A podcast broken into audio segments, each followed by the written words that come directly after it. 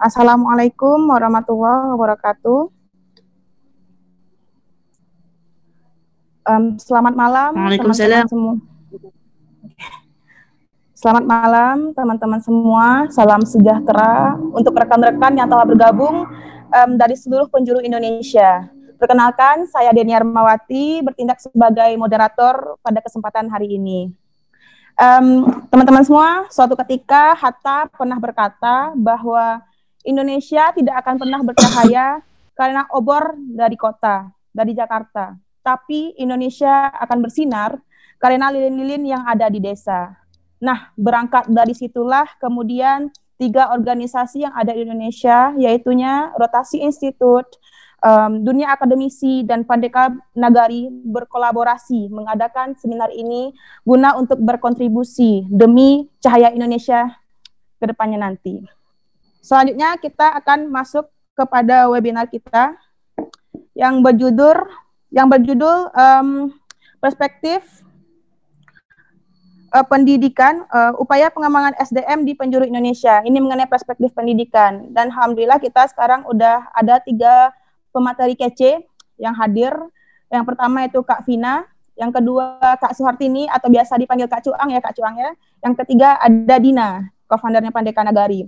Nah, selanjutnya di sesi pertama kita akan mulai dulu uh, dengan Kak Vina. Uh, Sebelumnya, sebelum uh, kita panggil Kak Vina untuk mengisi acara, uh, dibacakan dulu ya uh, CV-nya Kak Vina. Kak Vina ini merupakan alumni LPDP, yaitu alumni di uh, Erasmus University Rotterdam di Belanda ya Kak Vina.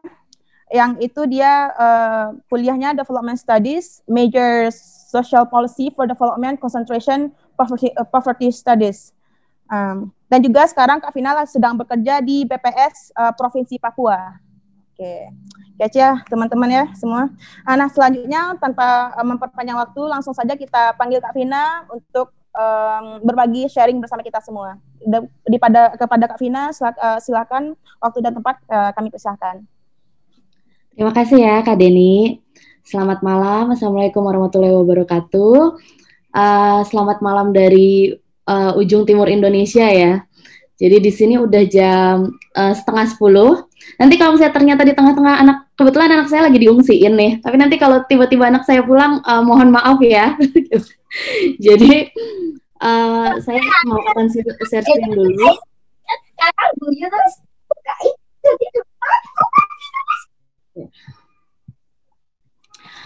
Sebelumnya Uh, saya mau mengucapkan terima kasih kepada Rotasi Institut, Pendekar Nagari, kemudian dunia akademisi yang udah mengajak uh, saya nih untuk sharing gitu. Uh, sebenarnya mungkin kan ada yang lebih banyak yang lebih tahu ya tentang perspektif pendidikan di Papua gitu, tapi kebetulan karena karena kenalnya sama saya nih kayaknya, makanya saya yang diajak nih sama teman-teman gitu.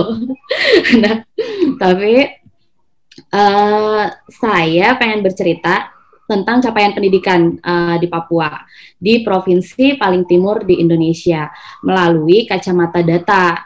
Kenapa saya pakainya uh, kacamata data? Karena jelas saya kerjanya di BPS ya di Badan Pusat Statistik gitu. Jadi saya memanfaatkan sumber daya yang memang ada di kantor saya.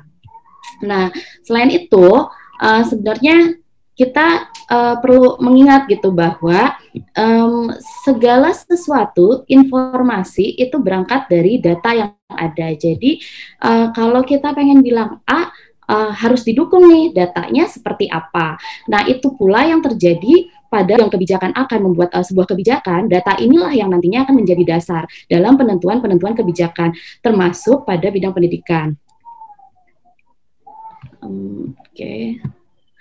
Nah, uh, sebelum uh, mungkin kita ngelihat bagaimana capaian pendidikan di Papua, perlu diingat dulu kenapa pendidikan itu bahwa gitu ya sebenarnya pendidikan itu memiliki peranan yang sangat penting dalam pembangunan. Uh, uh, karena uh, kan apa sih judul judul kita tuh uh, ini ya perspektif pembangunan dalam pe, dalam pengembangan SDM penting nggak sih gitu? Pendidikan dalam pengembangan SDM penting banget gitu. Makanya uh, dalam uh, pada pembangunan global gitu ya kita kenal ada Sustainable Development Goals. Ini salah satu webinar ini kan uh, ingin menunjuk uh, ingin mendukung itu ya mendukung SDGs gitu kan. Uh, ini pada di SDGs ini yang pada dasarnya merupakan kesepakatan global untuk meningkatkan kesejahteraan masyarakat dan mencari pemerataan pembangunan di masyarakat pendidikan itu jadi salah satu tujuan utama yaitu ada di goals keempat quality education uh, atau kalau di Indonesiain gitu ya itu uh, answer inclusive bla bla bla gitu itu sebenarnya uh, kita ingin melalui SDGs ingin menjamin kualitas pendidikan yang inklusif dan merata serta meningkatkan kesempatan belajar sepanjang hayat untuk semua lapisan masyarakat. Indonesia termasuk salah satu negara yang berkomitmen melalui SDGs ini. Artinya pada prog uh, pada program-program pembangunan Indonesia harus mempertimbangkan untuk mencapai target yang sudah disepakati melalui SDGs ini. Nah, selanjutnya pada konteks pembangunan manusia uh, kita punya namanya indikator pembangunan uh, manusia atau IPM. Di mana salah satu uh, indikator pembangunnya tuh adalah pendidikan selain kesehatan dan kemampuan uh, daya beli atau ekonomi. Nah, IPM ini sendiri dianggap sebagai suatu ukuran untuk mengukur kualitas pembangunan manusia secara agregat di uh, suatu wilayah di mana nilai IPM itu berkisar antara 0 sampai 100 dan semakin tinggi nilai IPM maka akan uh, semakin baik. Nah, nantinya saya akan berfokus mulai dari IPM dulu. Kenapa IPM? Karena uh, ini yang yang walaupun SDGs kita ada dan indikator-indikatornya itu ada APK, APM dan segala macam, itu juga semua bisa tercermin melalui IPM gitu. Jadi kita akan berangkat nanti uh, di sharing ini akan berangkat dari uh, eh, IPM. Jadi tadi kalau misalnya lihat SDGs kemudian lihat uh, eh, IPM, itulah yang kemudian mendasari bahwa uh, memang pendidikan tuh punya andil yang sangat tinggi gitu loh untuk membangun SDM baik di level Indonesia maupun global. Oke. Okay. Nah, selanjutnya uh, saya mencoba nih membandingkan bagaimana pendidikan dan pembangunan SDM. Pada IPM kan ada dua indikator pendidikan yang akan digunakan, yaitu uh, harapan lama sekolah dan rata-rata lama sekolah. Pada indikator pertama yaitu harapan lama sekolah, uh, angka harapan lama sekolah ini digunakan untuk menggambarkan lamanya sekolah yang diharapkan akan dirasakan pada oleh anak pada umur tertentu di masa yang akan datang. Uh, sebagai contoh, ini kan cut off HLS Indonesia ya. Jadi saya saya menganggap bahwa uh, secara rata-rata HLS di Indonesia kan 12,98. Itu adalah standar kita gitu. Nah, artinya secara rata-rata uh, anak anak usia 7 tahun yang masuk jenjang pendidikan formal pada tahun 2019 itu memiliki peluang untuk bersekolah selama 12,98 tahun atau setara hampir dengan diploma 1. Nah, pada gambar eh, teman-teman uh, bisa lihat oh ya, sebelumnya IPM itu kan tadi bergerak dari 0 sampai dengan 100. Kemudian ada uh, pembaginya kategorinya 0 sampai 60 itu kategori rendah, 60 sampai 70 itu kategori sedang, kemudian 70 sampai 80 itu kategori tinggi dan uh, di atas 80 itu kategori sangat tinggi. Nah, pada gambar teman-teman tuh bisa lihat bahwa plot antara kita fokusnya di Papua ya. Uh, kita fokusnya di Papua ini bahwa uh, uh, HL HLS IPM Papua dulu deh. IPM Papua itu yang terendah di Indonesia. Walaupun uh, udah masuk kategori sedang kan ya 60,44 tapi mepet banget sebenarnya sama rendah gitu. Jadi sebenarnya Papua ini baru masuk dalam kategori sedang sebelumnya di Papua itu IPM-nya masuk dalam kategori rendah. Kemudian jika dibandingin sama HLS-nya, HLS uh, Papua yang terendah juga. Jadi menunjukkan bahwa uh, dari sisi harapan lama sekolah orang-orang di Papua tuh anak-anak di Papua tuh tidak bisa berharap untuk memiliki pendidikan selama uh, atau lebih la sama lamanya dengan eh, anak-anak uh, di provinsi lainnya. Yang kedua yaitu rata-rata lama sekolah. Nah, indikator ini menunjukkan rata-rata uh, jumlah tahun yang ditempuh penduduk pada pendidikan formal di satu wilayah. Jadi misalnya uh, ini RLS Indonesia yaitu pada tahun uh, 2019 8,48 tahun. Artinya secara rata-rata penduduk Indonesia yang berusia 25 tahun ke atas itu sudah menempuh pendidikan uh, selama 8 tahun atau hampir 8,48 tahun ya atau hampir menamatkan kelas 9. Kelas 9 itu kan berarti SMP ya. Nah, di indikator ini RLS RLS-nya Papua tuh yang terendah juga di antara provinsi-provinsi lainnya. Jadi kalau kita lihat pola baik dari HLS ataupun RLS sebenarnya kita udah dapat nih kesimpulan awal. Kalau angka IPM itu memang dipengaruhi oleh pendidikan. Jadi pada saat pendidikannya tinggi, uh, secara secara pola IPM-nya tuh akan tinggi juga gitu. Kalau misalnya pendidikannya baik secara pola dari data akan menunjukkan bahwa uh, kualitas manusianya itu akan baik juga. Nah, selanjutnya uh, ini adalah gambaran mengenai potret pendidikan di Papua pada tahun 2019. Uh, eh, karena kan waktu kita sebenarnya terbatas ya web webinar ini gini. Jadi saya hanya menggunakan satu uh, indikator yaitu angka partisipasi kasar. Tidak, saya tidak menggunakan uh, apa angka partisipasi murni atau angka partisipasi sekolah. Kenapa saya menggunakan APK? Karena uh, pada pada APK ini, pada indikator ini, dia tidak memperhatikan adanya uh, masalah umur gitu loh, uh, masalah kesesuaian umur dan jenjang pendidikan, sehingga kita bisa lihat nih ada gambar, uh, gambaran umum mengenai serapan penduduk pada pendidikannya, uh, atau artinya uh, pada kondisi ini yang penting seluruh penduduk itu bersekolah di SD tuh bisa terhitung gitu. Serapan-serapan pada masing-masing tingkat itu akan bisa terhitung. Tidak melihat apakah umurnya sesuai untuk di tingkat SD atau di tingkat SMP atau di tingkat atau di tingkat pendidikan uh, tinggi. Karena kan tadi sesuai ya sama uh, ini dari uh, tujuan 4 SDGs gitu bahwa semua orang berhak dong uh, sepanjang hayatnya untuk mengakses pendidikan. Jadi uh, seharusnya tidak ada batasan umur untuk mengakses pendidikan itu tersen, uh, itu sendiri. Nah, di uh, secara total angka partisipasi kasar di sebentar ya saya agak ketutup nih. Hmm.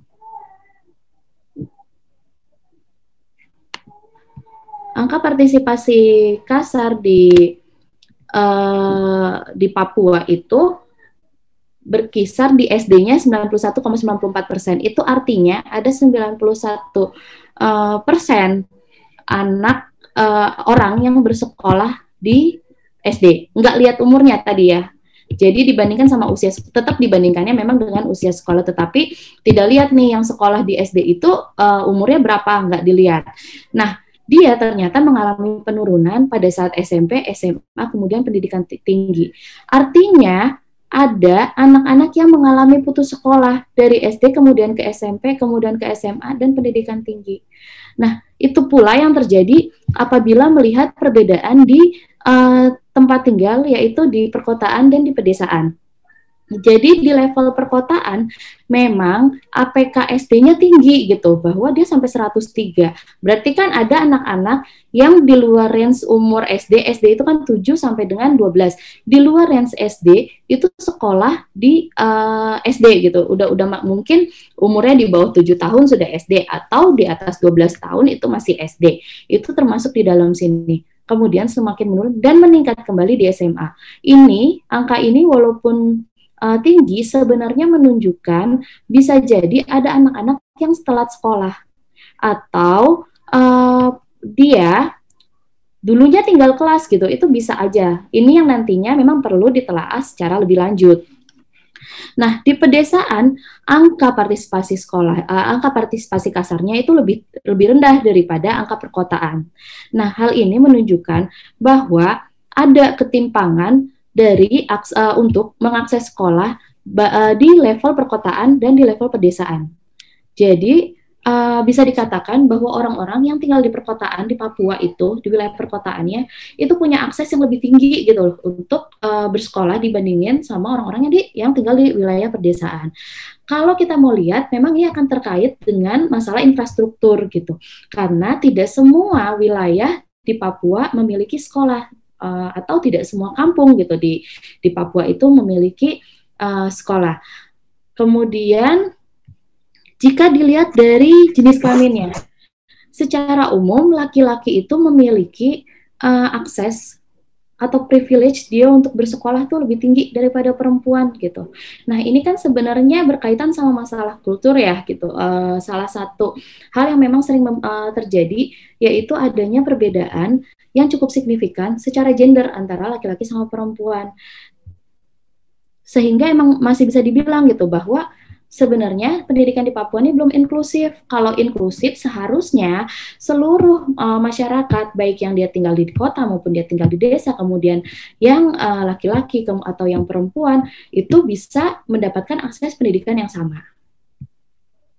Nah, selanjutnya kalau kita ngomong pendidikan, tentunya kita ngomong uh, tentunya kalau lihat sosial kan pasti harus lihat nih gimana kemiskinan uh, sebenarnya udah rahasia umum gitu kalau misalnya Papua itu memiliki tingkat kemiskinan tertinggi di Indonesia. Nah, sehingga uh, bisa dilihat bahwa orang-orang pada uh, level pendidikan, pada level ekonomi yang lebih baik, menengah ke atas itu memiliki akses pendidikan yang lebih tinggi.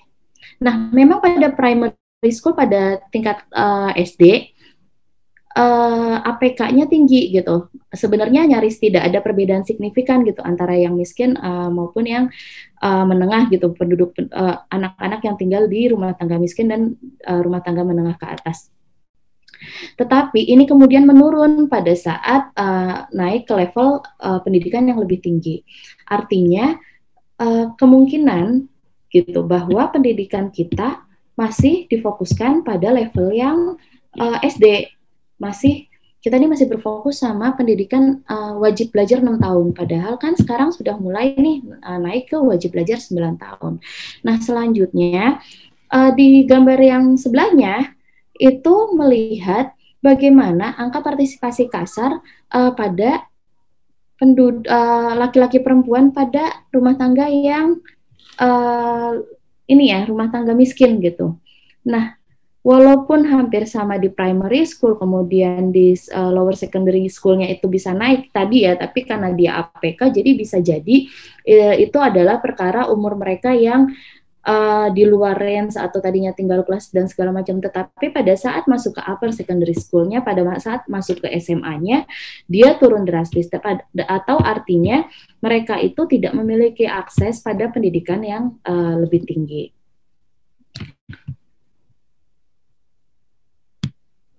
Nah, uh, sehingga kalau misalnya dari uraian yang tadi nih gitu, sebenarnya sebenarnya kan data pendidikan ini banyak, tapi kalau kita mau melihat dari sedikit data itu saja, dari yang sangat sedikit itu yaitu hanya melihat dari IPM-nya, kemudian rata-rata lama sekolah, angka harapan uh, lama, lama sekolah, kemudian APK-nya dan APK-nya kita kita breakdown lagi baik menurut wilayah tempat tinggal, kemudian baik kemudian menurut uh, jenis kelamin, kita tuh bisa menyatakan gitu ya bahwa yang pertama uh, pendidikan itu yang utama, baru pembangunan manusianya kemudian gitu. Jadi kita kalau pengen kualitas manusia kita meningkat gitu baik di Papua maupun di wilayah-wilayah lainnya sebenarnya kita harus mendahulukan uh, pendidikannya fokus kita harus pada pendidikan terlebih dahulu nah yang kedua karena tadi kita lihat ya ada kesenjangan uh, kesenjangan dari sisi uh, wilayah bahwa anak-anak yang tinggal di kota punya privilege yang lebih tinggi, kemudian laki-laki punya akses yang lebih mudah untuk sekolah ketimbang perempuan, kemudian penduduk pada rumah tangga menengah ke atas juga punya akses yang lebih mudah pada uh, untuk untuk sekolah.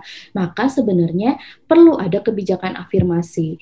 Nah, tentunya kan kita tahu bahwa pemerintah punya dana bos, kemudian pemerintah juga punya uh, kartu Indonesia Pintar. Tetapi apakah ini sudah uh, bisa mengakomodir kondisi-kondisi tadi gitu bahwa ada yang berbeda nih selain memberikan memberikan uh, biaya-biaya kepada sekolahnya melalui bos ataupun memberikan mm, biaya buku dan segala macam misalnya infrastrukturnya di wilayah perdesaan sudah dipenuhi atau belum.